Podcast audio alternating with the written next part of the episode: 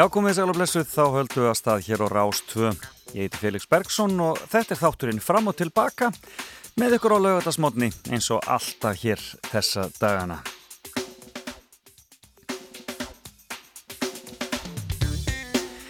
Já, það var dásanlegt að koma út í morgun. Ótrúlega fallegt veður hjá okkur hér í höfuborginni og um, ég vona það sé bara sem víðast þannig eh, þennan morgunin svona ótrúlega myllt og, og huggulegt veður. Og eh, við ætlum náttúrulega öll að vera heima hjá okkur sem allra mest þessa næstu daga, þessa helgina og næstu dagana. Ekki vera neitt á ferðinni, ekki fara neitt út úr höfuborginni og er þá nokkuð annað en að bara hafa það hugulegt hlusta á útvarpið sitt og, og, eh, já, og saminast í því. E, og kannski fara út svona við og við að fá sér frísloft ekki veitir af í góða veðrinu En uh, ég ætla að gera margt skemmtilegt í þessum þætti, fæ frábæra viðmælendur til minn í dag, hún er mætt í hús, hún Hera Björk Þórhaldsdóttir, uh, söngstjarnar, Eurovision stjarnar og söngkona uh, og hún ætlar að koma í fimmuna hjá mér, það verður gaman að heyra hvað hún hefur fram að færa. Ég var að hugsa að ég raunar ekki bæði sýsturinnar og móður í fimmuna þannig að það var nú aldeilis komin tími á Hera Björk. Þannig að það er gaman að fá hana til mín og síðan eh, ætla ég að eh, ringja eh, í hana Margeti Martinsdóttur en hún ætla að segja okkur á nýri hlaðvarpseríu Glúrasteins sem ber heitið með Lagsnes á heilan útrúlega spennandi all þessi, þessi eh, hlaðvarp sem er í gangi núna. Eh, og eh, svo ætlum við að fara í fréttagetrun hér eftir já, 9.30 eða svo. Og velunin í dag er uh, gjafabref í Hannesarholt. Þar verður nú aldrei gott að setjast niður þegar öllu þessu öllu þessu kófi linnir. En við byrjum að lagi dagsins og uh, ég hef verið með þemað hvar eru þau nú? Og að þessu sinni langaði mig til þess að veltaði fyrir mér hvar þeir sem eru svo rosalega frægir á, á, á, í lok nýjönda áratöðurins Matt og Luke Goss sem kalliði sig Bros. Hvar eru þeir núna? En Þessi, þetta band Bros var stopnað 1986 í Surrey þar sem tvíborabræðinni Matt og Luke ólustu og þeir fengu vinsinn, þetta var einar trí og þeir fengu vinsinn Craig með í bandið og kalluði þessi Gloss. Þeir kynntust Tom Watkins sem hafði unni með Pet Shop Boys og þó hann fílaði drengina alls ekki sá hann samt möguleikana í vinsældum hjá unglingstelpum og samti fyrir þá plötuna Push sem gerði svo allt vittlust í loka ás 1987 og lögin When Will I Be Famous og I Owe You Nothing fóru hátt á vinsældalista. Platan sjálf seldist í bílförmum. Svo kallu brosmanja var skollin á og unglingstelpur öskruðu sem aldrei fyrir. En svo var þetta bara skemmtilega allt saman búið eftir að steitni stóraplattan kom árið 1989. Og hvar eru þeir núna? Jú, Luke varð leikari, komst í kvikmyndunar og býr í Hollywood og Matt held áhrif með tónlistin og býr í Las Vegas þannig að við heldum tónleika á hótelum þar í borg. En vinnuð þeirra Craig, hann var hins vegar umbóðsmaður listamanna og á í dag sitt eigið fyrirtæki þeim bransa. Þeir hafa ekki komið saman síðan 1989. Já, og um, þetta var Örstuð Saga Brós, þeir eru svona mestu leiti búin að missa hárið, ekki það að það sé eitthvað slæmt, en þeir seldu samtal 16 miljónir platna á ferlinum. Aðeins eitt lag komst í fyrsta sæti vinstandalista, það var I Owe You Nothing, en lagið sem allir muna eftir og tengja við þetta, já, þetta knáa tríó, er auðvitað When Will I Be Famous og það er lagdagsins. Þetta var Örstuð saga Brós.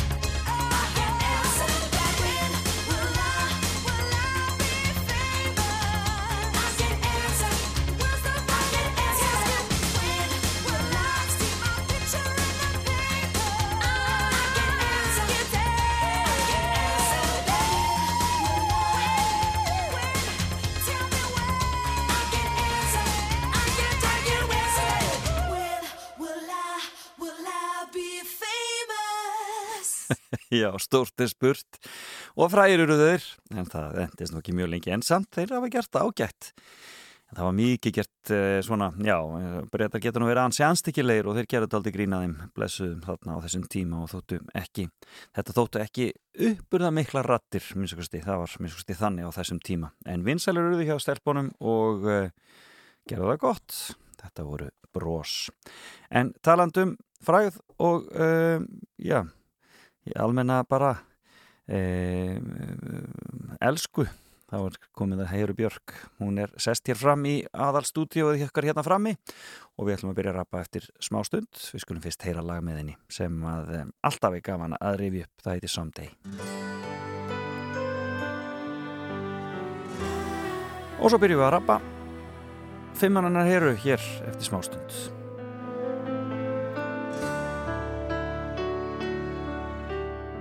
once could see a beautiful tomorrow that was meant to be where you and I were living in a dream.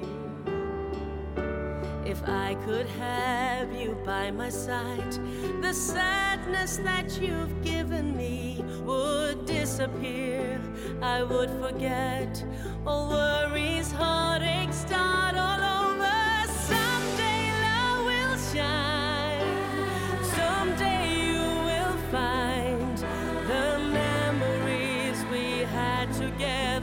shine.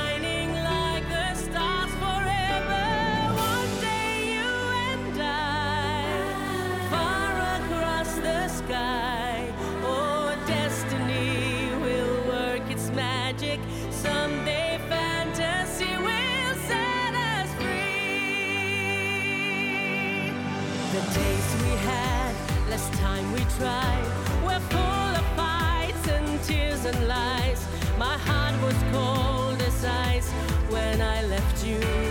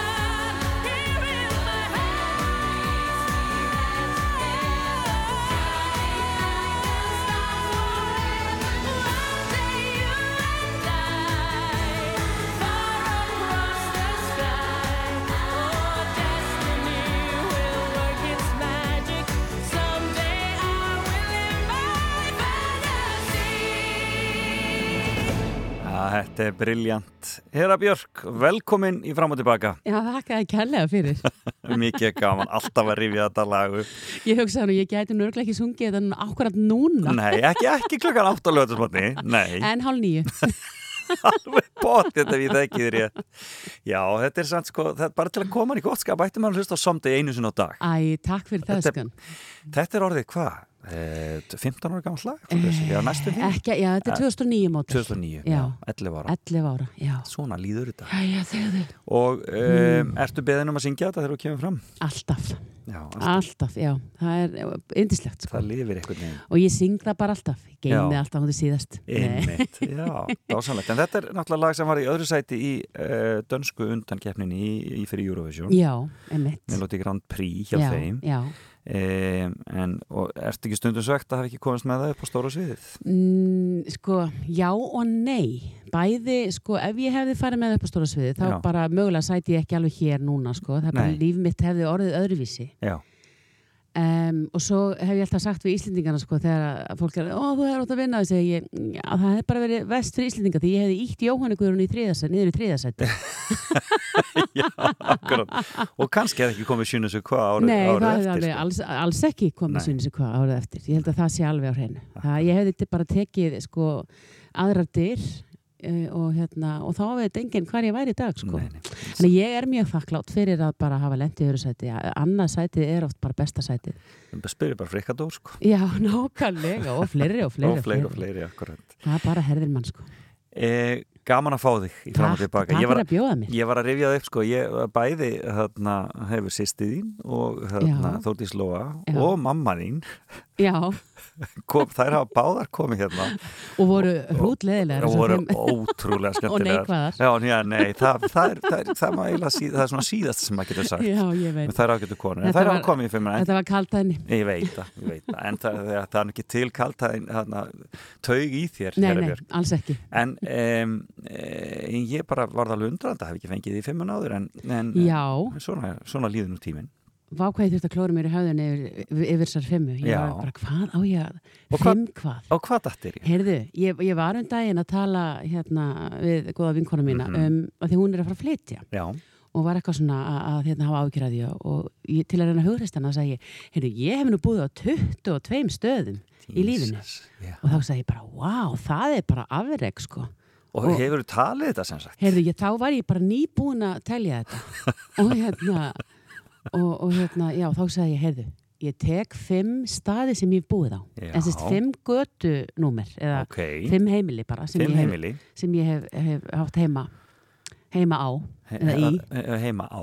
Já, það að hér á landi á. Já, hérna, sem hefur verið svona heima þar sem hjartað er. Akkurat, og hvað og hvar er það? Hvað er það fyrsta? Heyrðu, fyrsta ætla ég nú að, að, að byrja sagt, eh, að, að nefna Hagasel 26, þar sem ég ólst upp frá, frá því ég var 6 ára. Já, það er svona það heimili sem ég já, tengi við æsku, æsku árin það er í seilikvarfinu það er í sælikverfinu, já ég þú- man sko því ég var að flytja þangað ég fekk sko martraðir. Já, eh, ég sem sagt byggum í, í blöndubakka áður og ég fekk martraðir yfir því að, að, að sko fóreldrar mín og fjölskylda hefði skilið mig eftir já. eina í blokkinni. Já, hérna. Þetta var alveg bara rosa dramatist Já, og hérna og ég það var ekkert langt á milli þú veist að lappa neðan á bökkum og upp í sælikveri Já. þannig ég var einhvern veginn mjög oft bara lappandi á milli ráfandi um í hverfinu að leita að þessu nýja heimili mínu. Já þetta er svona fyrstu sko, svona, er, svona hvað segir maður svona erfiðu draumarnir sem ég man eftir. Einmitt, og það, já, þetta voru svona draumar í rauninni. Já þetta voru draumar þar sem ég var bara veist, ég var bara. eitthvað kvíðin fyrir þessu en, en, en þetta er svona í menningunni sko byggðum við þetta hús hérna, þú veist, krakkarnir með mömmu og pappa þarna lærði maður að skafa og nakkrinsa og, og þælast fyrir og, og, og maka á sér steipu og alls konar reiki og drasli og, veist, og svo, svo hérna, finnst mér ósæðlega mikil, þetta er svona mikilvægur eh, svona kapli þegar að, eins og bara í núna í dag að, að, að líta tilbaka og hugsa, hei, veist, það voru ekki, það voru ekki, sko, það voru ekki hurð á klósettinu þegar Nei. við fluttum og, og þetta var bara allt í lagi. Akkurat, það var bara það var ekki gólvefni og allir voru bara glaðir Já, og, og maður var að minna sig á þetta sko. Einmitt. Og, og þá er ég rosa þakklátt fyrir þennan tíma sem að fóreldrar mínir gá okkur þú veist, þá að leifa okkur að upplifa það að bara flytja inn einhvern veginn bara á, á steipuna bara með það sem við áttum. Einmitt. Og svo bara hægt en örglega hérna, þú veist, eignast upp pútavel og, og, og hörð Og, og voru þið lengi, var, var, húsið lengi að verða til, manstu það? Nei ég, nei, ég held nú ekki. Ég held að mamma og pappi, ef þau eru að hlusta, þá sitja þau nörgla og, og, og, og horfa kímin á hvort annað og hrista hausinn því að eflust var flest komið sko. En ekki svona, þú veist, ég man þegar að teppi kom að stegan og ég man þegar að hurðirnar fóru sko tínast inn svona ein og ein. Og hérna, en, en þetta var algjörlega, þetta var mjög kósi alveg frá byrjun og fór rosalega vel um okkur. Allir áttu sitt herbergi og, og svona, já, þetta eru voru bara og þannig alltaf kynntist ég eh, svona mikið að dásanlega fólki. Við náttúrulega leikum okkur þarna öll krakkarnir úti í allskens hérna leikjum og, og þvældust um í annara manna hús nýbyggingum. Já, og hérna og, og, og maður settist á nagla og maður steig á nagla og þú veist, maður, alltaf, maður var alltaf með naglaför eitthvað staðar í rassinum eða einhverju fætinum eða þú veist. Þannig að þetta var aðeinslu tími. Og, og þarna bjó ég e, svona, eins og maður segir on og off, alveg þangu til ég flutti e, já, alveg þangu til ég flutti bara til Danmörku Já, veist, ég, bara- var, ég var alltaf að það var, það var íbúð hérna setna innréttuði mamma og pappi íbúð í kjallaranum Mhm. fyrir okkur, þetta Já. var svona þetta var ekkit, það var ekkit mikið um þetta þá á þeim tíma, það væri svona gerar íbúður í kjallaranum, en þau gerðu þá Lóa sýstir eiginlega var frunguðlinn í því að því hana vantaði stað til að búa á Mhm. og hérna á einhvern tíðanbúndi og, og þá var ráðist í þetta verkefni og, og, og ég naut góð, góðs að því setna meir þegar ég kom með mína litlu fjölskyldu og við þurftum stað til að búa á í einhverja mánuði Já. þannig að þetta var svona já við byggum í hagasilinu on og off til svona 2005 Þannig að þó, 6 þó að staðinni séu, þó að staðinni séu 22 þá er þetta svona einhvern veginn algjör svona þetta fastu móðurskipið. punktur. Já, þetta er móðurskipið. móður og föðurskip já. og já og, og, og, og síðan s- sest, þegar að svo seldu mamma og pappi þetta einhvern tímann hann í ég man ekki rétt eftir hrun bara Já, Þannig að þetta, já, og, þetta fylgdi fjölskyldinu lengi. já, og það er mjög fyndið að því að ég sko beigi inni og kem inn í sjálfkvarfið, Já. þá þarf ég sko að beita sjálf mér valdi að keiri ekki bara beint og leggja fyrir utan og ganga inn, þú veist. Hagasil 26. Já, vöðvaminnið er svo rosalegt, sko. Ég er bara, allt er bara, nei, heyrðu, ég er að fara í kampasel. Já, ef þú ert í símanum og ert að hugsa eitthvað annað, þá ertu bara komið fyrir utan. Já, eiginlega, já, já, það er alveg þannig, sko. Þetta er Þannig að dásanlegt. þetta er, er gott hverfi. En þetta er, eh, þarna hefur byrjað að músisera? Já, já. Já, já. Varstu svona hljómsveita og svoleiðis Eh, pía eða? Nei, ég var nú meira bara svona í, ég var náttúrulega bara í hérna When will I, sem þú varst Já, að, hérna að spila á hann. Með hárbustan fyrir raman já, speilin og svoleiðis. Þetta var náttúrulega minn tími, sko. Ég, ég, var í, ég, var í, ég var í kór þarna og ég byrjaði, átti mitt, fekk mitt fyrsta launað að gegn bara í hagasilinu. Ok. Þá söng ég inn á jólaplötu og auglýsingar eh, hjá nágrann okkar sem, a, sem að var svolítið mikið í því, Guð, Guðmundur. Já. Og hérna, ég fekk fyrsta, fyrsta borgaða djópið þar við að syngja inn hérna Express, litmyndir og eitthvað svona hérna, ég man ekki að það var eitthvað önnur það var eitthvað einu viðbót. Á þeim tíma voru allar auglýsingar sungnar. Já, allar. Það var og alveg það þannig, tók, sko. það tók rosa langan tíma að taka þetta upp að því ég sagði alltaf Express Já. ég söng alveg Express ég var 11 ára. Express, nei herra, Express já, já, já, já, Express og það bara tveim tími setna þannig að það voru þegar uppi litið afleitt tímalun sem ég var á. Já, akkurat. Já, og allir aðrir. Og allir aðrir. sem að verkefninu komum. jú, jú, en, en þarna var ég náttúrulega, já þetta svona, En varst í, kór, í kórastarfi þá? já, ég var, ég var í, í Kór Öldusel-skóla Já, já. og en svo bara ég var þannig uh, og, og er kannski svolítið þannig að ég, ég syng fyrir sjálfan mig mest Já. ég, er, ég, ég, ég lefði engum eiginlega að heyra í mér fyrir en að ég er eiginlega bara steg út á sjónasviðið sko 16 ára Já. Þá svona fyrst söngi, ég var ekkert mikið að syngja í mínum skóla þó að allir einhvern veginn vissu að ég, hvert ég stemdi Já. að þá var ég ekkert, hei, má ég syngja Þú veist, ég var ekkert Nei, að trana mér fram Nei, það var ekki svo leiðis. Nei, og, og það eru Og kannski fá tækifæri til þess, nema þá bara með kórnum. Já, jú, jú, ég hefði öruglega alveg geta, geta fengið, sungið öllum ásatíðunum og öllum böllunum og öllu en, en ég bara einhvern veginn var ekki þar Nei.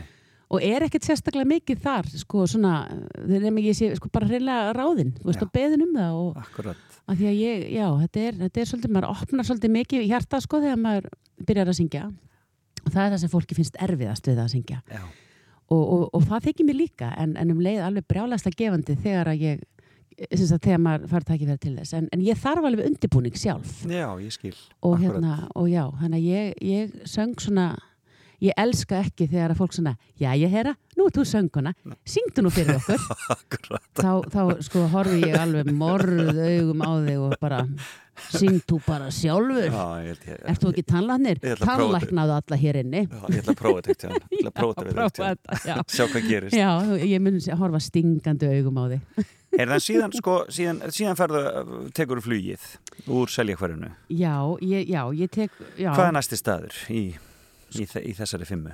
sko, næsti staður í þessari fimmu er e, þegar ég tek svona næsta stóra skrif í lífinu og, og, og flytt sko, í millitíðinni bjó ég á, á nokkrum stöðum Mhm. svona meðan ég var að, hérna, svona já e, skoða sjálfstæðið mitt og svona e, í mig bara ekki aukur og út um allt og e, næsti staður er þegar ég tek litlu fjölskylduna mína og ákveða að fara í háskólan á Akureyri og setjast það á Dalvík Já, þá keifti ég íbúð á, á smára vegi 11 á Dalvík. Og, og hérna og fólk bara horfða mig ha, já, af hverju? Og, og þá var ég á þeim tíma þetta var árið 2000 þá ég, í, vann ég hérna í sjónvarpinu og var með þáttinn stutt í spunan með nú Hjalmar í Hjalmarsinni einmitt, svo, já, já, Já, og sætlar minningar, eins og allir mun eftir. Einmitt. Heyrðu, og það var svo dásanlegt að því að við erum svo yndisleg viðslendingar að það náttúrulega, þá kom svona já, já, já, auðvitað er hún hlutið Dalvik hún náttúrulega konan hans Hjálmars. Bara, við vorum bara gift það að því við vorum saman í sjónvarpinu allar lögadaga, þú veist, einmitt, það bara, heyrðu já, au, auðvitað bara leggja saman tvo, legg- tvo. já, bara þau eru, þau eru hjón Já, og hann er frá Dalvík sama sem auðvitað eru þau að flytja saman á Dalvík gömlu hjónin. Og það var svo alveg eins fjarrri sannleikur um að hægt var að vera, ég var nú bara á leiðinni í háskólan og, og, hvað fórst að læra í háskólanum? Heyrðu, ég fór í viðskiptafræði vinnurinn minn. Nó, Já, já, já. Já. Já, já, skellti mér í viðskiptafræði og hérna. og kláraðir þar? Nei, nei, nei, nei, nei. Tók tvö ár og, og þegar ég var farin að fylgjast með sko gerfi jukkonum deyja í gluggunum að því að mér leittist svo Já. að þá hugsaði ég, ok, þetta er kannski ekki alveg fyrir mig. Já. Ekki það að ég er mikil, viðskip, mikil viðskipta kona. Já, og ert nú aldeilis komin í, uh, í þær, þau, þau fræði Já, og, hef, og hef starfað nánast í viðskiptum alla tíð. og sko já. allar tíða, alveg frá því að ég, já, mér er auðvitað bara mann eftir búðir mér. og núna fasteignarsali. og Já, já, en, en sko ég, ég, þetta var ég, eh, sko, svona, ég var búin með öll skemmtilegu fögin, ég var bara ég átti eftir hagfræði og tölfræði og eitthvað svona, já, allt svona með, og þá, þarna á þessum tíma var ég með svona tölu og já. þannig að ég var bara ákvaða með sjálfur mér að ég var ekki góð í því og, og, og, og þar leiðandi um leið setti mér sjálfur mér mjög sko, sterkar hömlur sem ég Já. sé í dag, það voru algjör mistök sko.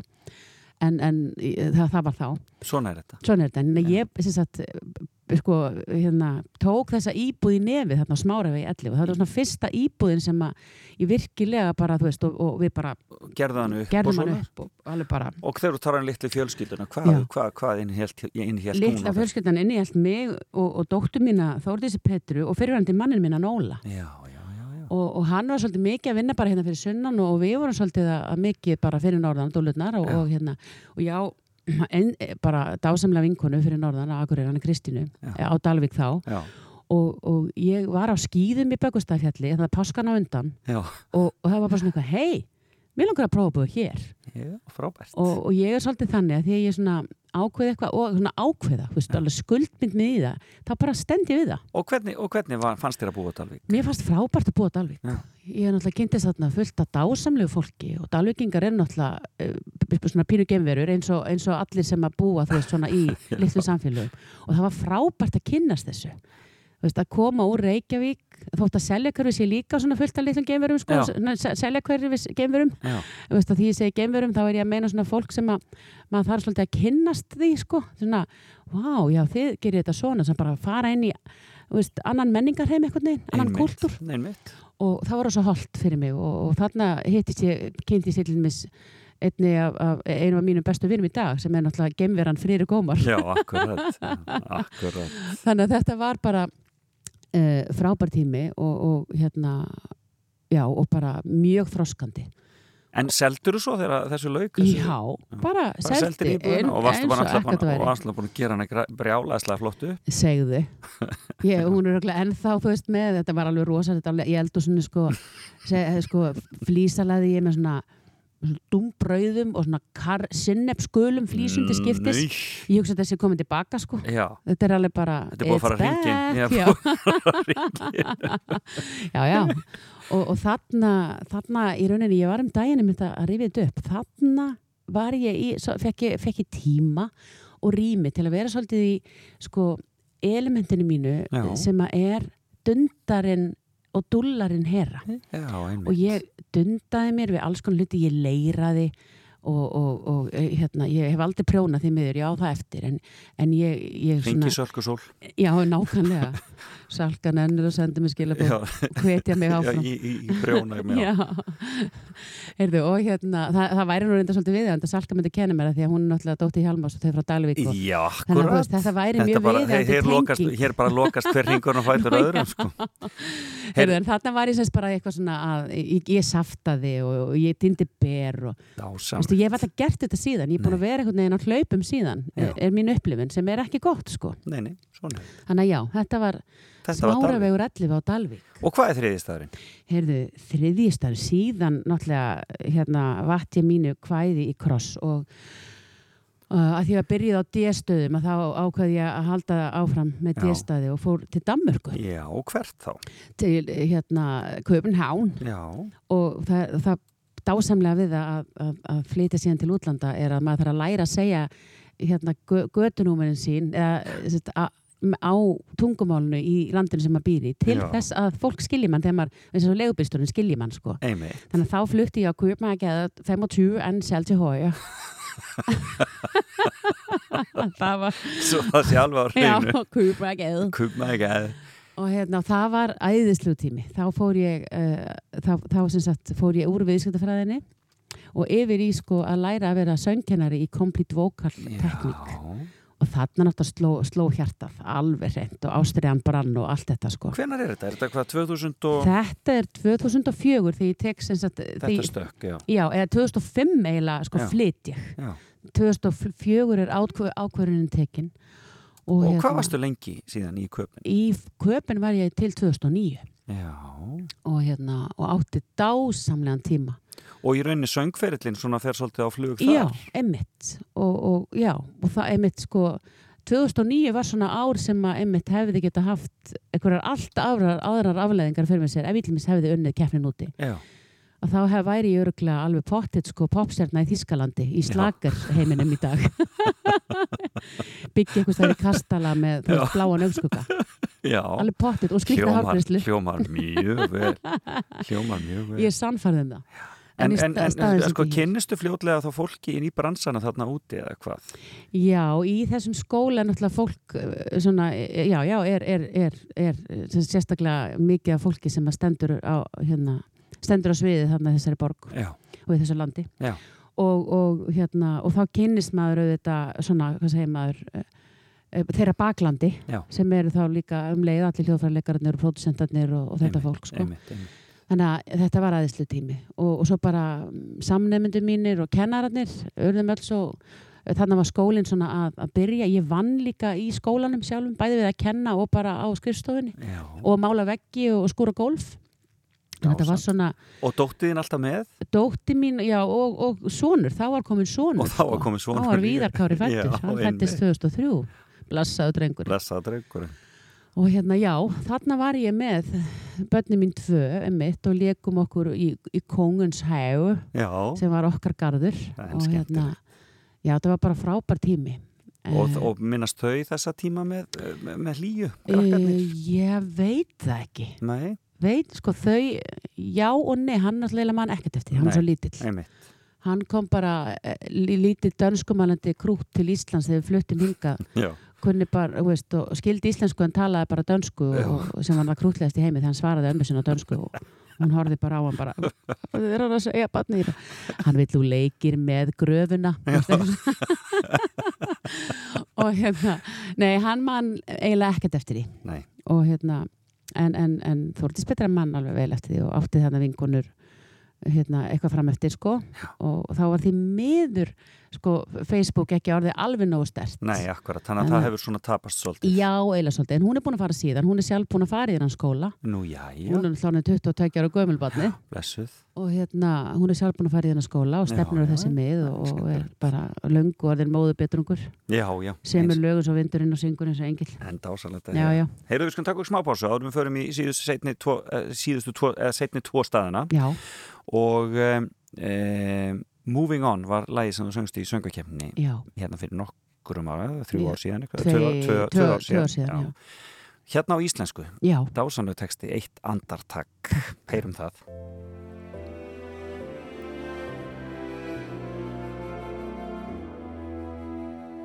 Hvað heldur í mig, hvaða ótti læðist inn Finn hvernig efinn flæðir inn í huga minn. Ég veit þú stendur með mér. Ég veit það er ég sef. Ég veit að það er ég sem þarf að taka næsta skref. Innra með mér stöðugt og gafst mér sjaldan frið. Þú varst alltaf mér hjá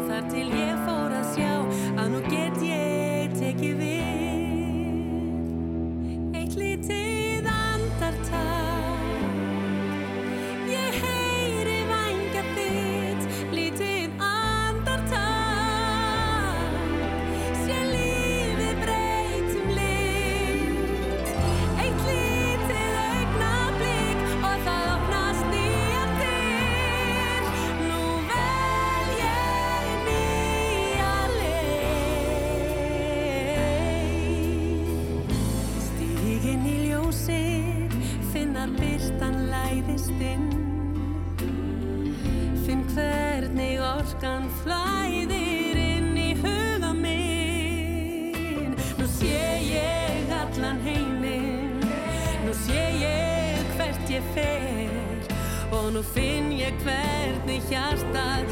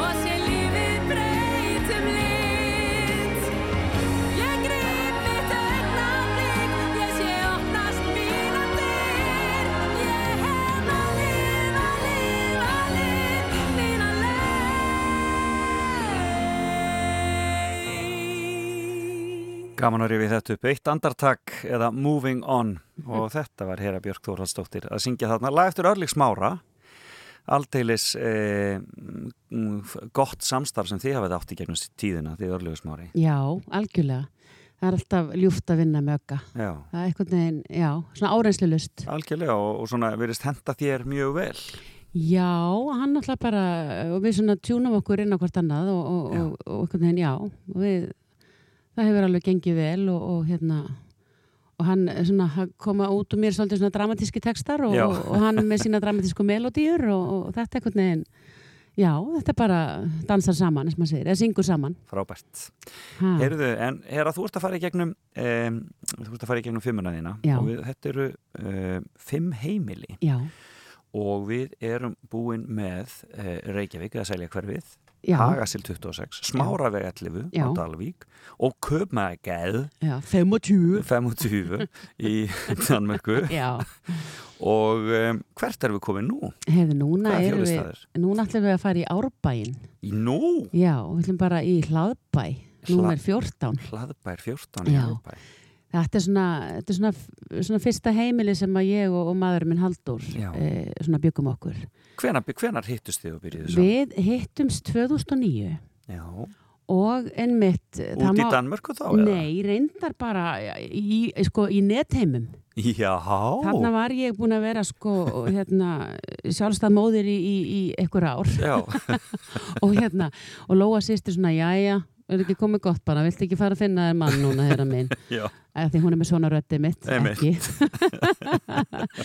Og hún kvatti mig hérna áfram til að bara svona að því ég var einhvern veginn búin að lýsa frati á það að ég nefndi ekki fara, þú veist, á skemmtistæðina taka hálf þrjú, sko aðferðafræðina, ég var einhvern veginn ekki þar. Nei, og hérna og þá segir hún við mig sko prófaðu hérna engamál og ég alveg það tók mig marga mánuði sko að, að þóra því. Því ég er mjög feimin ég þetta er mjög skrítið en, en ég er það sko. En hérna og sérstaklega kemur að, að hjartans málum.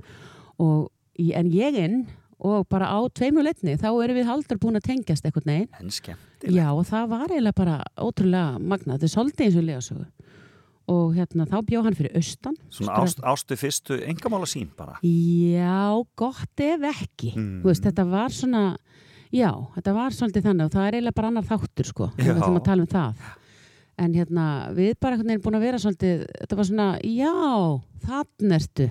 Gottu, En, en þetta var svolítið já, og hérna en, já, þannig að við og við erum búin að vera svona valhoppa þetta saman uh, hérna, gegnum súrt og sætt síðan. Já, íms, já, akkurat, ímsar uh, vendingar og þeirri leið. já, já, bara eins og hjá öllum Akkurat. og eins og bara lífið er og á að vera sko En þetta heimil ykkar í árbænum, hvernig? Já, það, við keftum þetta af indisleiri konu, Maríu og hérna og, og hérna hún var, var sem sagt kirkjuvörður lengi í Árbæðakirkju og allir þekktu Maríu og ma þetta var kallað Maríuhús. Já, og- og hérna við keftum þetta og, og það þurfti svolítið að, að, að, að hlúa því. Já, og sagt, hlaðbærin var þannig byggður að það var eiginlega byggður bara stækkaður eftir því sem börnin þeirra, börnunum þeirra fjölkaði já, já, bara byggt í norður, byggt í austur, byggt í vestur veist. og, og við náttúrulega svolítið komist að þessu þegar við byrjuðum að, að, að, að renovera. Og hérna og já, þarna voru við sagt, og, og, og í garðurinn var sko geggjaður, það er náttúrulega búið að breyta þessu öll í dag. En garðurinn var þannig, það sást ekki húsið fyrir, fyrir sko runnum og rósarunnum og, og, bara þetta var bara svolítið eins og að vera í Afríku sko þegar Já. við fluttum barna svona, maður var svona með sveðjuna þú veist að komast í gegnum. Og síðan var þetta svona svo ítalskur svona bara svona Toskana ekkur paradís þú veist á sömrin Já, fyrstu sömrin okkar þarna. Og hérna en, en, en hann sko maður vaknaði bara uh, það var svona eiga náðuðan dag leit út úr gluggan það öskraði garðurinn á mann. Já, ég skil. það var bara, þú veist, það, ég þurfti alltaf að vera með, með rassin upp í sólina Já. í beðunum að, hérna, dúlla mér. Já, og það hefði verið fínt, sko, ef ég hefði ekki verið líka þá að reka vestlun og syngja og vera með sögumskóla og veist, allt þetta. Já, þannig að þetta var aðeins svo mikið. Já, Húsið hann- var bara of mikið. bara bög, þetta bögaði okkur Já, svolítið, ég sko og hérna, við, við ákvæðum að, að þegar við tókum næsta vendipunkt í lífinu sem var eh, að flytja til Suður Ameríku Algjörlega. Og er? Og er það fymti staðurinn? það er fymti staðurinn Fymta heimilið? Hvaða heimilið var það? Heyrðu, það var uh, svo ég, sko, að ég, ég, ég þurfti líka að læra það á, á spansku, Spænsku, sko. nema hvað? Fyrir sem leigubílstjórana. Já, það var nákvæmlega. Það var sko Marcel Duaut, Venta í Nuevin og Venta í Tres, Providencia. Santiago, Chile. Ég skrifa bara Santiago Chile. Já, þetta var sem sagt Marcel Duaut, hétt Já. 2993. Þetta er alvöru. Já, og þetta, hérna, Þetta var nú æmintýri. þetta var algjörst aðventýri. Og þið fóruð öll fjögur. Já, fórum bara hele familjín. Já. Það var æðislegt og hérna umleið brjálaðislega erfitt. Einmitt. brjálaðislega en Chile er nú ekki auðveldasta land í heim. Hmm, Nei, það er heldur alls ekki erfiðasta landi Nei, heimi nei, alls nei, ekki uh, hérna uh, já Og þetta byrjaði alltaf á söngkefni. Þú ferð og vinnur þetta bara söngkefni. Já, og, bara og- Og, þá opnast bara ýmsar dyr. Já, og, og hérna og ég, og ég kem, þetta er 2013 sem að Mhm. ég vinn þessa keppni sem heitir Festival Vinja del Mar Mm og fæði þennan merkatitil uh, La Gaviota sem er bara svona sem er í rauninni, þýðir í rauninni máfurinn, þetta er bara svona þvíliki og þvíliki byggarinn sko sem fylgir svo ég, þetta er svona eins og að fá Óskarinn í Söður Ameríku, þetta er mjög mögnuð upplifin og skrítin fyrir litlu íslensku stelpuna sem bara svona kæra Já, við erum öll bara jöfn, þá var ég alltaf inn í sett upp á eitthvað svona rosa stall og dyrkuð eins og ég væri eitthvað svona já, mjög, þetta var mjög skrítið. Já, en ofsalega, ofsalega larnánsríkt en hérna já, við ákveðum að flytja. Það var bara svona einn morgunin, þá kom ég sjúkla úfinn fram í hlaðbænum Mhm. og líta manni minn og segja, heyrðu okkur flytjum við ekki bara til Chile og, og prófum þetta? Og hann svona lítur upp og, og hérna já, skoðum það. Og þegar hann segir skoðum það þá þýr það í mínum eirum já, gerum það. Já, og þannig að hann er fann að endur skoða það þegar hann segir skoðum það. Já, þannig að ég bara já, ég, haldur segja já og gerum þetta. Og við flytjum sem sagt og búum þarna en endar á þrem stöðum uh, en stutt, það, lengst af byggum við Mar Mars, á Marcel Duaut og þetta var æðislu staður inn í eh, hérna, hverfi sem heitir Providencia sem er svolítið svona já, svolítið svona arti hverfi og skemmtilegt. Þetta er svona uh, já, bara indislega staður og, og Mhm. hérna, og við vorum svo heppin að við lendum að verandi gafjótan í, í í, í, já, þá, þá má maður ekki búa hvar sem er og mér var alveg gefin skýr fyrir mælum það hvar ég mætti alls ekki hvar, hvar ég mætti alls ekki vera.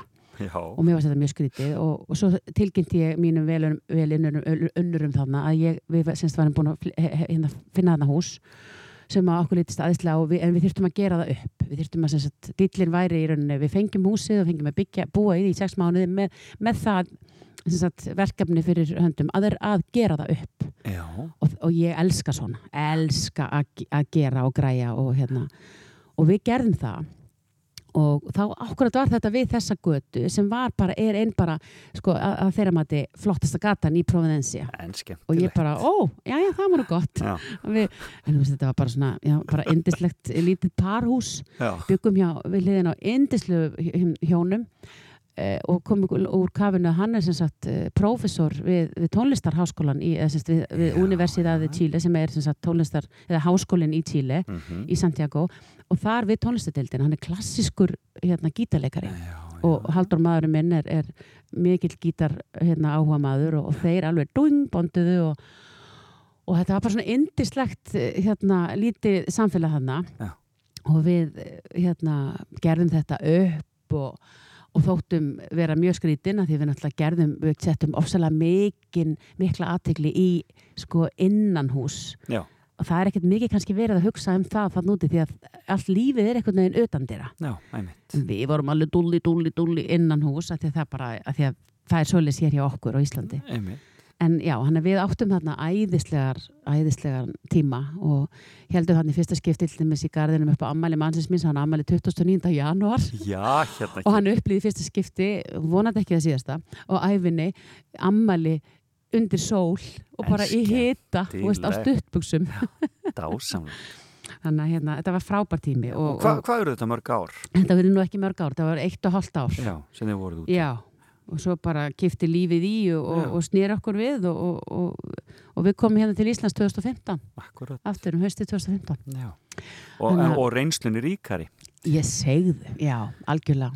Og bara einhvern veginn það sem við fengum mest út úr þessu, þetta var náttúrulega ég hef oft sagt að þetta var dýrasta hérna spænsku námskeið sem að við fundum bara í verðinni en, en aðalega var þetta fjölskyldu eflandi og bara svona já, bara, maður lærir s- rosalega mikið á svona hvað það er sem virkilega skiptir máli. Já, og, hérna, og ég er ennþá í mjög góðu sambandi við, við þetta, þetta, og við, við þetta vinafólk okkar á núti og En ferði eitthvað að syngja en þá í Suður-Ameríku eða svoleiðis? nei, því miður. Þetta, þetta er svo rosalega langt í burtu. Eða? Já, og og það koma tækifæri en það er ekki hægt að taka þau. já, það, það er svolítið þannig.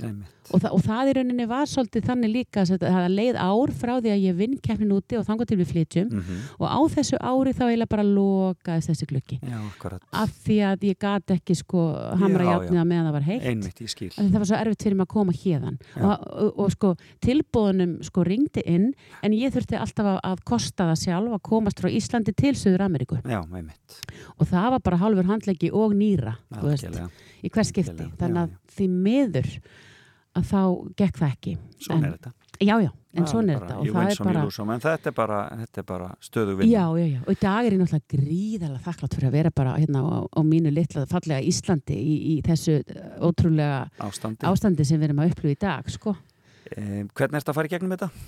Ég er náttúrulega alveg hérna forréttinda uh, pjalla eins og maður segir. Ég er náttúrulega að vinna í fastegna heiminum og, og, og þar er með ólíkindum hvað, hvað hérna er bara gott að gera.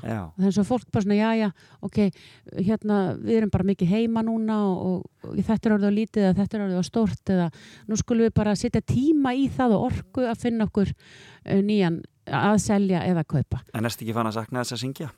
Vájú, og get ekki beðið, ég er að vona, ég vona og vona, ég krossa allt sem krossa, sko, krossast getur að, að ég fá að syngja um jólinn. Já, akkurat, Og já. ég- Þá, og þú, þú byrjaði að selja og þó tónleika Já, ég, já, ég er... í Hallgrímskirkju eða hvað? Er það já. að byrja bara eða hvað? Já, ég, sko, ég er ekki byrjuð að selja inn á text.is. Ég er með söfnun á já. Það sem ég er svona að, að, að forselja miða og, og afmæli svínilplötu sem ég ætla að gefa út í tilipna því En að Ilmur og Jólum er 20 ára í ár. Ég gaf út jólaplötunum mína Ilmur og Jólum Já, því ég flutti á Dalvik árið 2000 einmitt. Og hérna og, og það er bara, það er ótrúlegt Hvað sagði, ég, tími líður. hvað tíminn líður En skemmtilegt og það, og það semst, það, það, bara hvetja fólk til að fara inn á Karolina Fund og eignast plötuna og ná sér í miða og svo, miðar, svo bara vonum við að þetta að verði með já, einhvers konar fjarlæðan öllum öðru slíku hægt já. að halda tónleika. Þetta verði með einhverju móti, ef ekki sagt, einhverjur, við, við einhver hana, 100, 200, 300, hvað sem við meðjum saman já. í Hallgrímskirkju, þá finnum út úr því, við streymum eða við geymum eða við gerum eitthvað. Það er svolítið, við, við hugsaum í lausnum. Eh, sannarlega og það hefur alltaf gert. Dásanlegt að fá því í heimsókn, herra Björg, Þorvaldsdóttir og hérna, skulum enda þetta á læginum sjálfæðið, Queen of F and Everything. Takk fyrir spjallið. Takk sem við leiðis.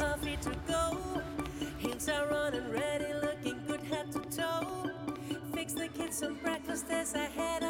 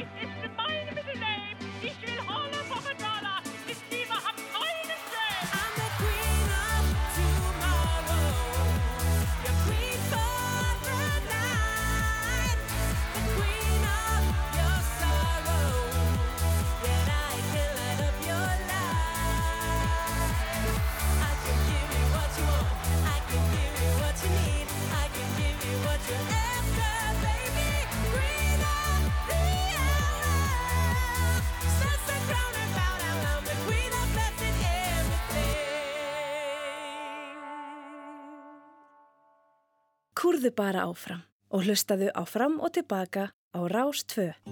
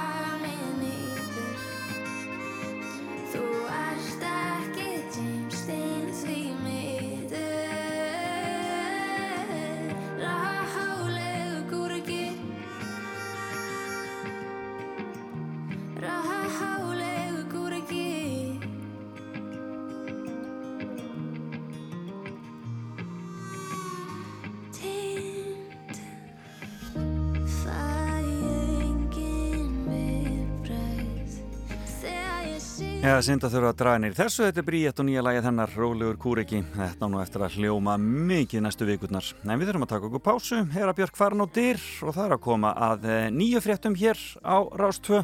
Svo höldum við áfram í fram og tilbaka.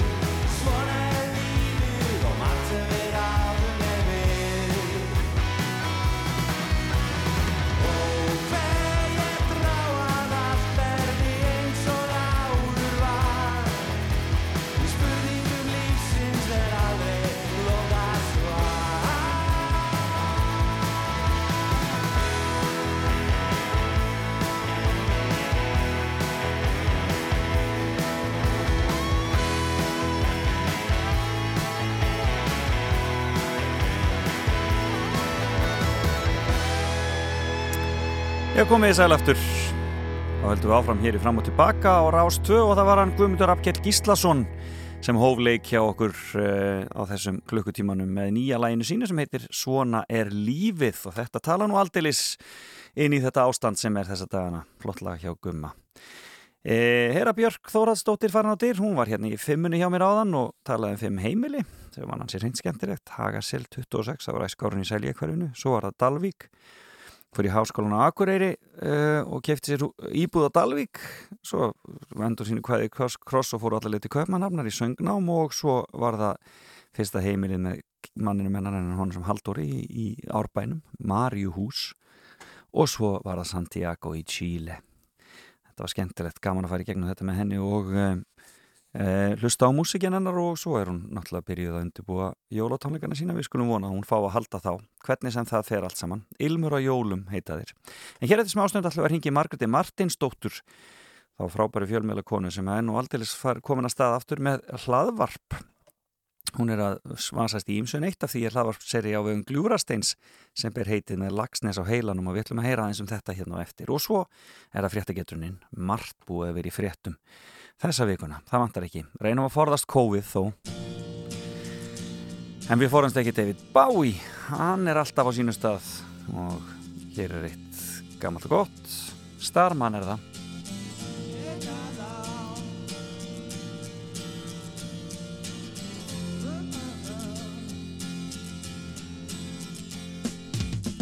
Didn't know what time it was, the lights were low. Oh, oh. I leaned back on my radio. Oh, oh. Some cat was laying down some rock and roll, a soul he said. Then the loud sound it seemed to fade. Came back like a slow voice on a wave of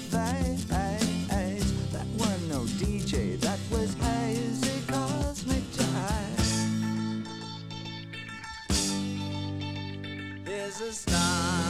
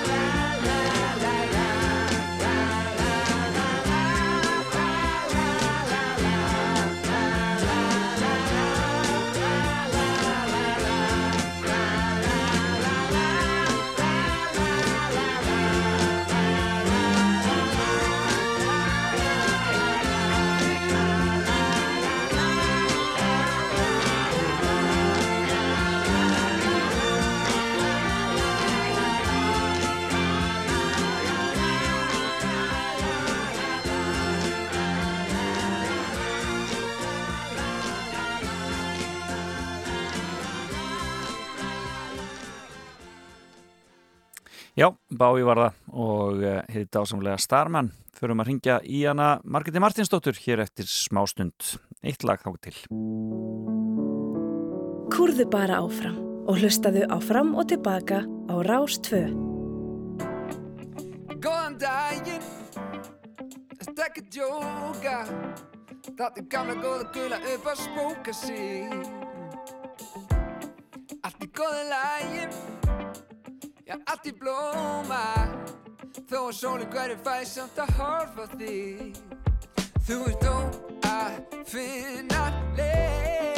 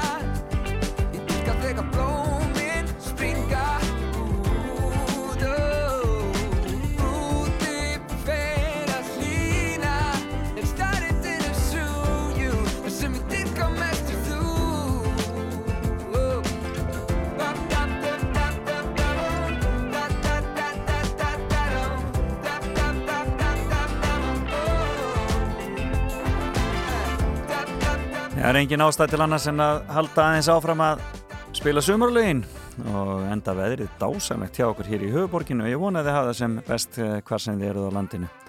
Þetta var auðvitað Jón Jónsson og lagi Dýrka mest. En nú er að hefja göngu sína hlaðvarpserja Gljúfrasteins.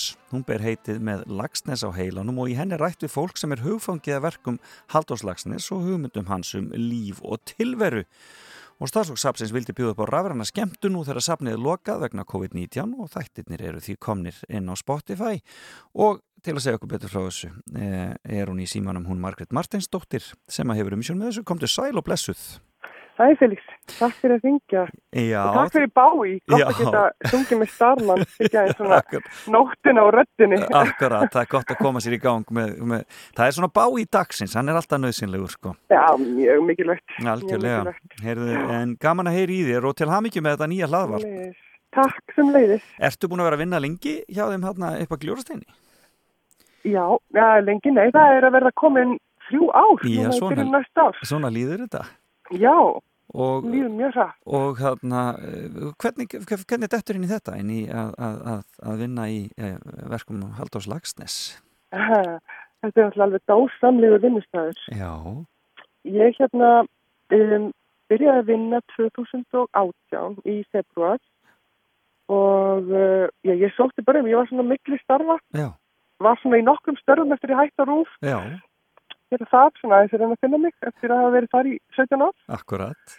Og hérna sótti um þarna, uh, sé svolítið um uh, svona fjölmjöla vefin og það, þetta allt sko hjá þeim. Einmitt, akkurat. Og svo bara allt hitt, þannig að alls konar í svona safnastarfi, þetta er óbúðslega góður, góður vinnustæður. Og Það mik- getur tímyndaði fyrir að vera að vinna þarna í Mósilstarnum. Dásamlegt og náttúrulega, já, og mikill gestagangur og, og Já, já, bæði íslendingar og útlendingar, er það ekki? Já, já, já, það er alveg bara stöðugur ströymur ef við tölum um svona venjulegt ár Mm, Já, akkurat, já. og, og látum eins og þetta sé ekki til. Já, já, við, við bara, ég held nefnilega, ég hef svolítið tilfinningunum, við hefum eftir að taka þetta svolítið þannig, þetta hafi ekki gerst. Svona Já, þetta er búið, eftir að fara, þá fara í massífa afnættun og bara gleyma þessu. látum bara eins Já, og já, þetta það er hafi ekki ágætt, það, það er ein leið. Það, það er einleið svo sannarlega. Já. En, en þetta er frábær hugmynd, þessi, þessi hlaðarpserja og hvað, segðu mér aðeins betur frá henni. Hverjir, hverjir verða til þess viðmælendur í þessari serju? Já, sko, já, eins og það, hugmyndin nefnilega, það er hérna þessu skemmtilegt fórstuðkona Guðni Dóra, hún var búin að vera að tala um þetta í nokkra mánuði að við Já. og hérna fara að stað með hraðar og, og sérstaklega svona fór svo umræða og var háværið eftir að COVID hérna, uh, heldist yfir okkur og við þurftum að loka safninu og síðan vorum við bara að rappa á svona einhverjum hugmyndafundi og einhver segir um einhvern að viðkomandi sé með lagsnis og heilan og það var bara gripið, heyrðu þetta þýttur að vera koncepti okkar En skemmtilegt. að vera með lagsnis og heilanum og þá einhvern veginn, æ, þið veitum hvernig hugmyndir eru, það bara Akkurat. kemur upp setning og þá er bara komið koncept Já. og þá að fara að stað og ég kannski bara, hérna, mér langar til þess að ég vona að það sé fólk þarna úti og ég veit að það er fólk þarna úti sem er með lagsnis og heilanum og ég ætla að byrja fólk að hafa samband um, við okkur á glúrastina því mér langar að tala við fólk, fleira fólk sem er með lagsnis og heilanum. Ég er þegar búin að tala við fjóra Já. og er með þjá í kostunum þannig að þetta verða að minnstakosti 7-8 við erum að vonast til þetta verði svolítið margir þættir Ég og held, svo munum við örglega að halda áfram því til dæmis núna 27. oktober þá eru 70 ár frá því að það var tilkynnt að Haldur Lagsnes myndi fá Nobelsvölun. já, já, já, já. Þetta var bara náttúrulega fórsýðflettin í öllum blöðum á Íslandi og náttúrulega notan heim 28. oktober. Þannig að við munum kannski gera eitthvað en stað, uh, svona aðeins fyrir að ræða það, en þetta hins vegar, við erum búin að ræða við Ragnar Kjartansson, hann er í fyrsta þættinum Já, einmitt. og hann er svo sannlega með Lagsnes og heilanum og, og það er bara ekki tækt að klúra viðtala við Ragnar Kjartansson. Nei. Þannig að maður íti bara á play og hann byrjar bara. En er þetta, er þetta, hérna, er þetta, eh, er þetta viðtöl? Er þetta, sko, byggir þetta upp þannig? Byggir þetta upp á viðtöl? Þetta, neða, þetta er meira bara, þetta er spjall. Veist, þetta, er, þetta er ekki svona, veist, við, við erum bara að spjalla og, Já. hérna, og já, þannig að þetta, það er svolítið mikið flæði í þessu og ég til dæmis búin að tala við og ég ætla bara að segja það því núna, já, uh, 12 ára, nei 13 ára, afsaki Jökul, 13 ára Jökul Jónsson já, sem er búin að lesa barn náttúruna þrísasinnum. Já, þrísasinnum, hann er 13 sko. Og við tölum um barn náttúrunar og bara það að vera hugfangin af listaverk. akkurat. Þetta er það er kannski svolítið svona pælingin með þáttum að vera hugfangin af listaverki og svo náttúrulega af því að eins og, og Haldur sagði til dæmis í heimsljósi sko, það er þessi glíma við fegurðina, þráin eftir fegurðin. Já. Við erum alltaf einhvern veginn daldið að, að glíma við hana og reyna að ná henni og fangana og, og allt þetta. Já. Og hérna, já, og þú veist, og- stendur líka næst í ljóti nokkuð annað, segir heimsljósi við rættum það daldið mikið, við rættum kjartan. einmitt, og Raggi er, Í- er svolítið í heimsljósi, hann er svolítið mikið þar. Hann er mjög mikið í heimsljósi. Já, mjög mikið. Hann segir frá því meiri segja sko þegar að gammalt fólk í hans fjölskyldu likur banalegun og þá er lesið, lesin síðasti kaplinn í heimskjósi. Það eru svona banalegu bókmættir. já, hérna hér, það er Já, allt já. í lis. Já, já, já, já. Þetta er mjög dramatíst. Það er mjög dramatíst og svo bara náttúrulega var hann fyndinn og fyrir að segja því hann náttúrulega alin upp bara við haldi veist, sem leikara barn og, og hann segir bara að Lagsnes var hans Mikki Mús. Þannig að, já, þannig að það, svo er, verður Ólafur Stefánsson í einum þætti. já, og hérna og eh, já þannig að ég er að fara að tala við Elisabeth Jökulsdóttur líka. Haldur Guðmundsson er í ennum þætti er erum á æfisögu hérna Haldur Slagsnes þetta er bara frábært, ég vissum að að við margir ætlum bara að vera með lagsnis og heilanum meðan að staðan er svona. það er svo bara- gott að fara líka í skáldsögur þegar að það er leiðilegt Ég sko, þa- það er nú bara þannig að sjálfstætt fólk, fólk í lestri Arnars Jónssonar var bara vinsælasta, var bara það vinsælasta sem sótt ára netið á, hjá Ríkisúttarpinu bara núna í, uh, í sí- síðustu mánuðum. Það er bara Það því líkar vinsældir sko. Það Og það var eiginlega sama hvern maður kom, allir voru að tala um þennan stórkostlega lestur Arnars og voru að hlusta á þessa gömlu á frábæru upptöku. Þannig að þetta lifir svo, frábært. þetta lifir svo með þjóðinni, það er með alveg hreinu ólíkindum. Einmitt, já, þetta er æðislegt þannig að maður getur gert ráð fyrir þessi fyrsta fólki sem er að lappa hér og það um bæinn með Arnar Jónsson í eirum og mikið er þetta gott. Ég held þetta, ég held þetta, þetta er að bara gera gott. Já, og, brá, og bráðum verður það þú og, og Rækki Kjartans. En er, það er hægt að er að ná í þetta, hvað segir, á Spotify eða ekki? Spotify og svo er náttúrulega þetta farin og líka bara heimasíðu Flugursteins, það er linkar þar og það er líka ímyndst að finna fróðlöku skemmtun og Já. myndbönd til dæmis bara fólk getur farið sko inn á Flugurstein, þú veist þetta er svona safni í sófan, Já, í einmitt. COVID þá bara ferðu þar inn og þú getur bara stýftir í gegnum allt safnið, Nú, Skoðar það þar bara. já, og bara hlustað á hérna hjá litri móði með hérna, og- með hérna kór mentaskóla sem á meðan. Akkurat, þetta er ásannlegt. Gæti ekki verið betra. Ja, endilega kíkin á Flugurstein, þú fyrir þess að svo margt og skemmtilegt. þar. Ég tók nú til hjarta mitt með Ragnhildur Gröndal. Já, sko. Það er ekki síðra og Tómas er eina sinni. Hör, hl- hlustum aðeins á það, en, en svona aðeins í lokin, þú ert svona daldi mikið að e, vasast í hlaðvarpið þessa dagana, því að þetta er ekki það eina sem þú ert að gera. Nei, þetta er svona alltaf haust hlávarpana, þetta er bara einhvern veginn gerðist og hérna tók að með verkefni fyrir uh, fríðarsetrið, núna á fríðardögum sem var í samstarfi ímsa Já. UN Women og, UNICEF og, og Samnið þjóðnar Íslandi og fleiri. Um, við vorum bara að tala um frið. Og hvar má finna það? Það má finna á fríðarsetrinu og ég held ég hjá öllum þessum, UN Women og, og hérna, UNICEF og á, á hérna við fríðarsetrins. Dásanlegt. Tjekkum á Já. þessu allir saman. Nú bara sittum við og hlustum og höfum það hugulegt heima hjá okkur og meðan við losum okkur við blessaða verið. Ó, já. Takk fyrir. Takk fyrir spjallið, elsku. Bless, bless. Ást mín síðan Guðir gengum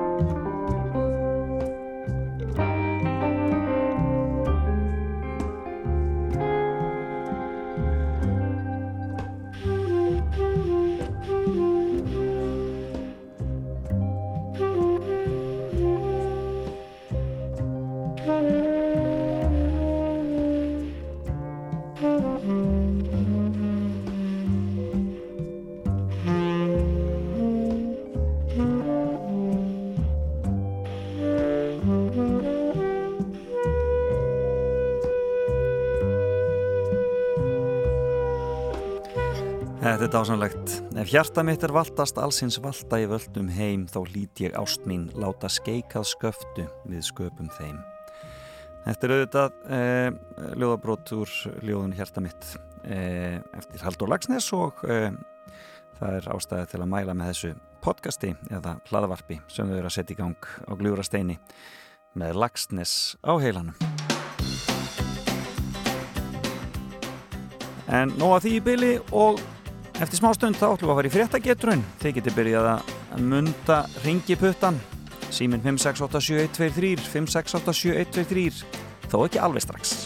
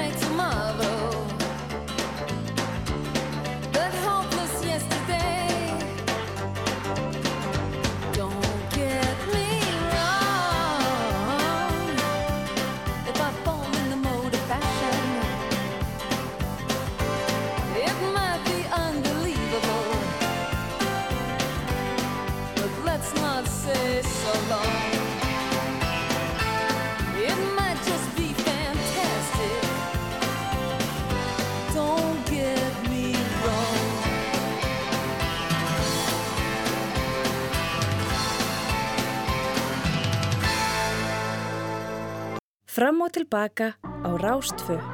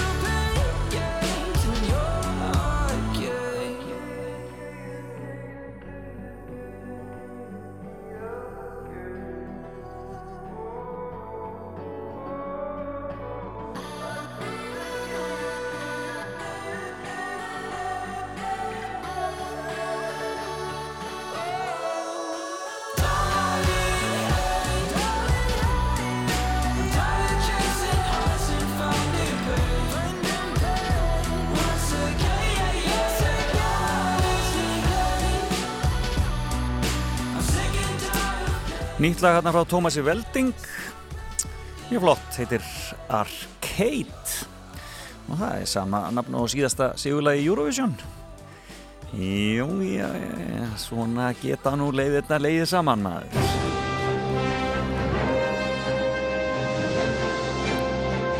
Og þá er, eru línundar opnar. 5687123 5687123 Það er komið að frétta getrun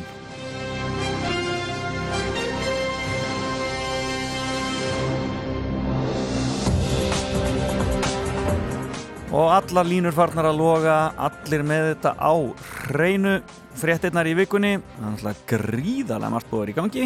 Við skulum sjá hvernig ykkur gengur að svara fréttagetunni og vinna ykkur inn gjafabref eh, í Hannes og Holt. Við skulum heyra í fyrsta hlustanda, byrjum hérna á línu þrjú.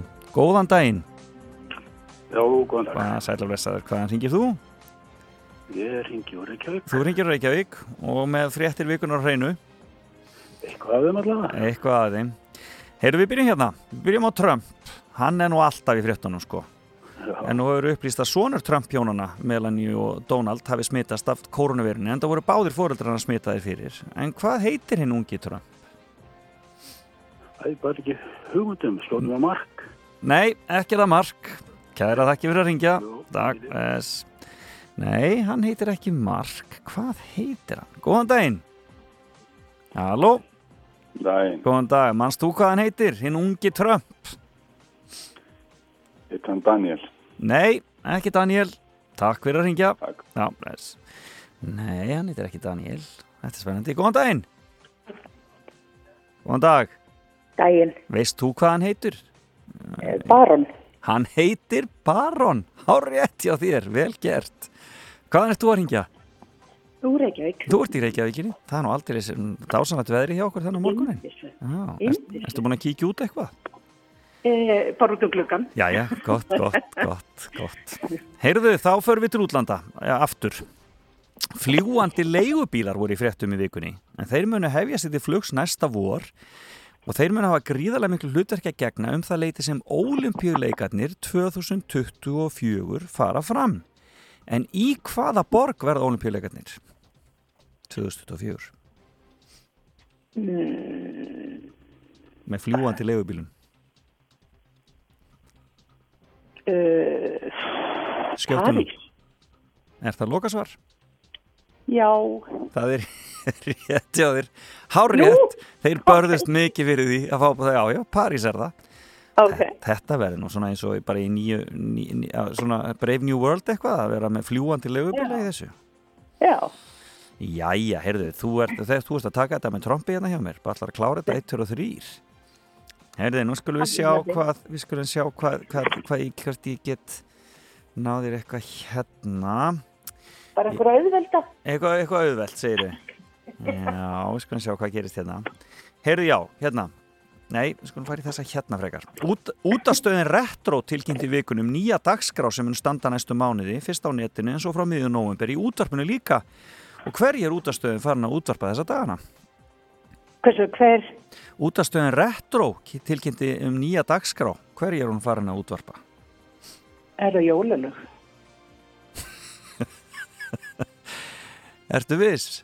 Já, Þetta er alveg hárétt hjá þér Jú, ég útastöðin réttur að byrja út af jólalögunum Ég ætla að ná þér á þessu, ég held að myndi vera alveg í haung Nei, þú bara stóðst pressuna Heyrðu, hvað heiti konan?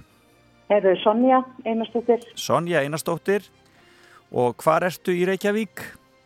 Uh, er það minna heimilsóng? Já, heimilsang, ég þarf að fá að senda þetta Því að nú má engin, nú má engin Nei, Já, já. Háaleitisbraut 107.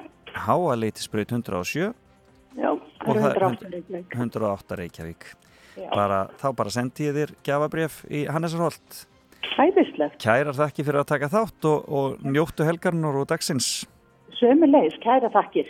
og þarna og já, til hamingju, bless, bless. Takk, bless. Já, þetta var hún Sonja Einarsdóttir á Háleitsbraut í Reykjavík sem að tók þetta hjá okkur í fréttageturinn að þessu sinni. Og e, við óskum henni bara innlega til hamingju og þakki ykkur öllum sem ringduð Þetta var stutt og lagot hjá mér í dag, ég held að vera svo erfitt hjá mér en svona er þetta stundum. Og e, já, vonandi verðið bara með á nótunum. Við fyrir aftur í fréttageturinn eftir viku En það var bái í dagsins áðan. En nú er það Stevie Wonder dagsins.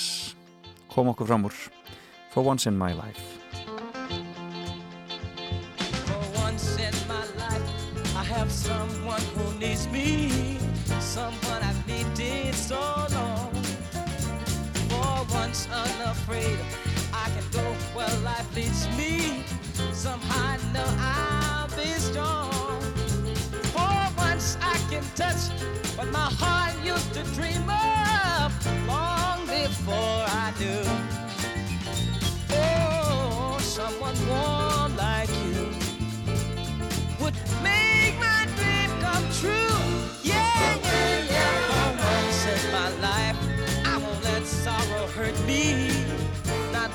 hurt me before. For once, I have something I know won't desert me. I'm not alone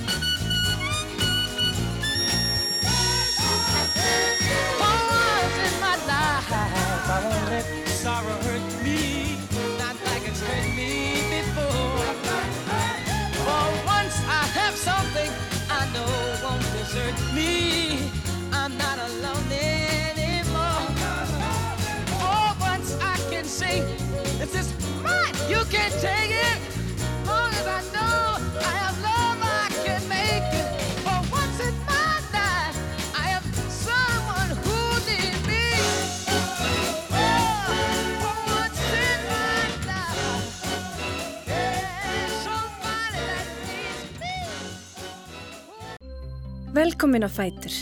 Fram og tilbaka á Rástfö.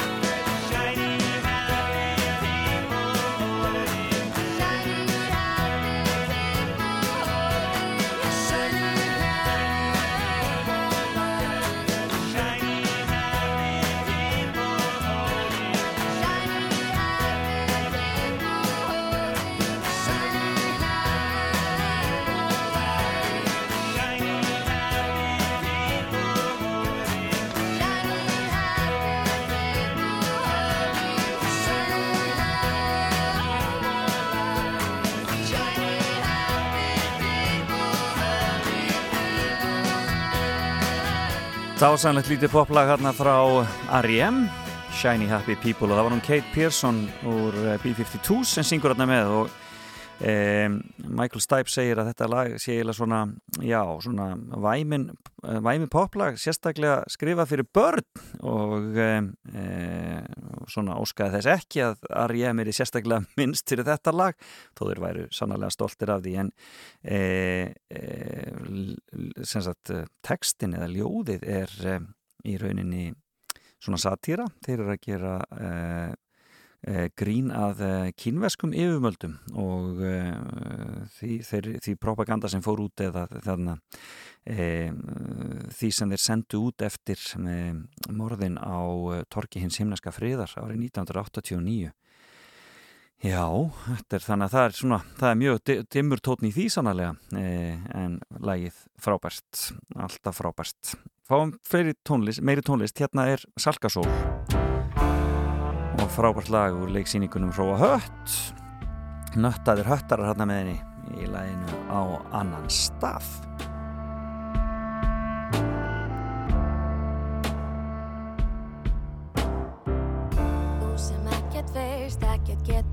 breyst, ekki halda mér á þessum stað. En hver er frjáls í hugar heimi má, ég ferðast ángað óbeislað.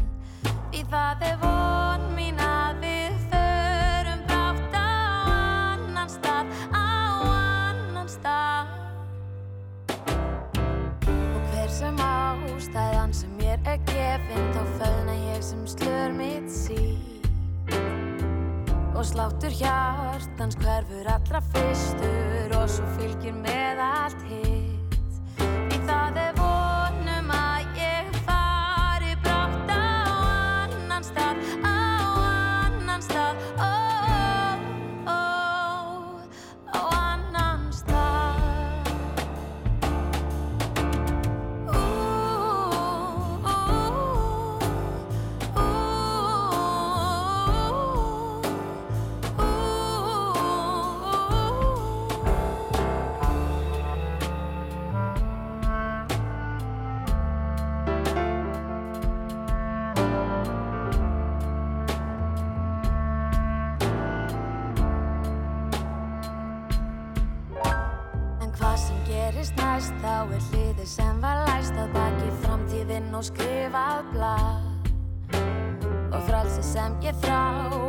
ég finn það hjá þér? Við dansum inn í nóttina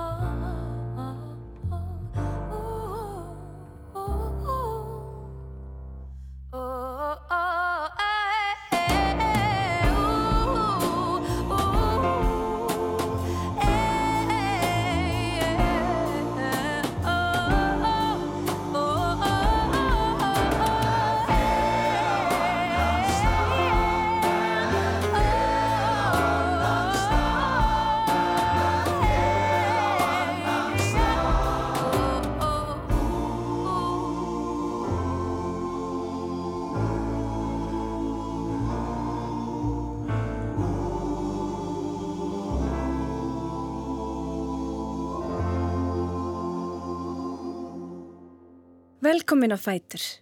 Fram og tilbaka á Ég sitt í horninu með drikkin minn. Bjóa á þig augunum í hundraðasta sinn.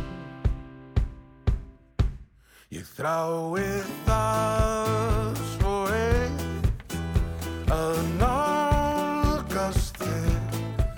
svo margt að segja þér En eitthvað hindrar mig.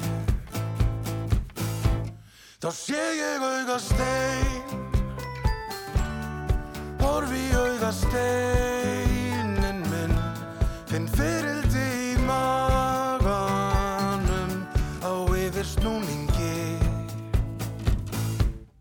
Kanski get ég ef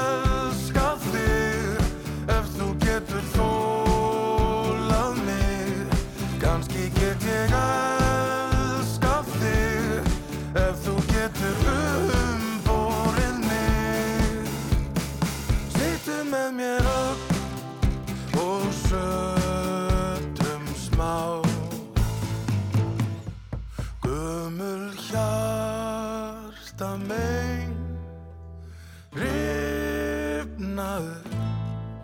Þungur sjórinn hræðir mig. Ég higg á bakkanum. Svo sé ég auðga stein sem lýsir mér í myrkrinu og fyrildin í maganum. Þau íta mér til sönds Kanski get ég auð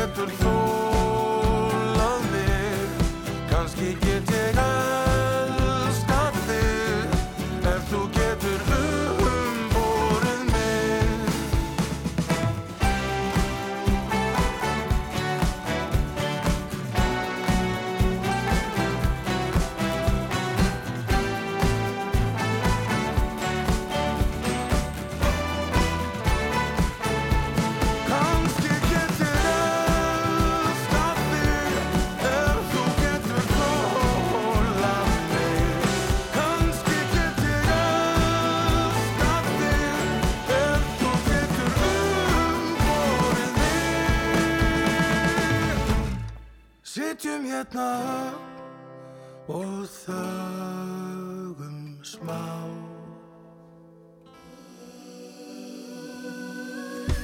Uppaf var það, þetta er úr leiksýningunni í þjóðleikúsinu. En e, þetta er búið hjá mér í dag. Gísli og Björgur er mætt í hús og eru tilbúin að, og æst að byrja að byrja hérna klukkan tíu. Já, það er mikið stuð, það verður mikið fjör að rástu áfram.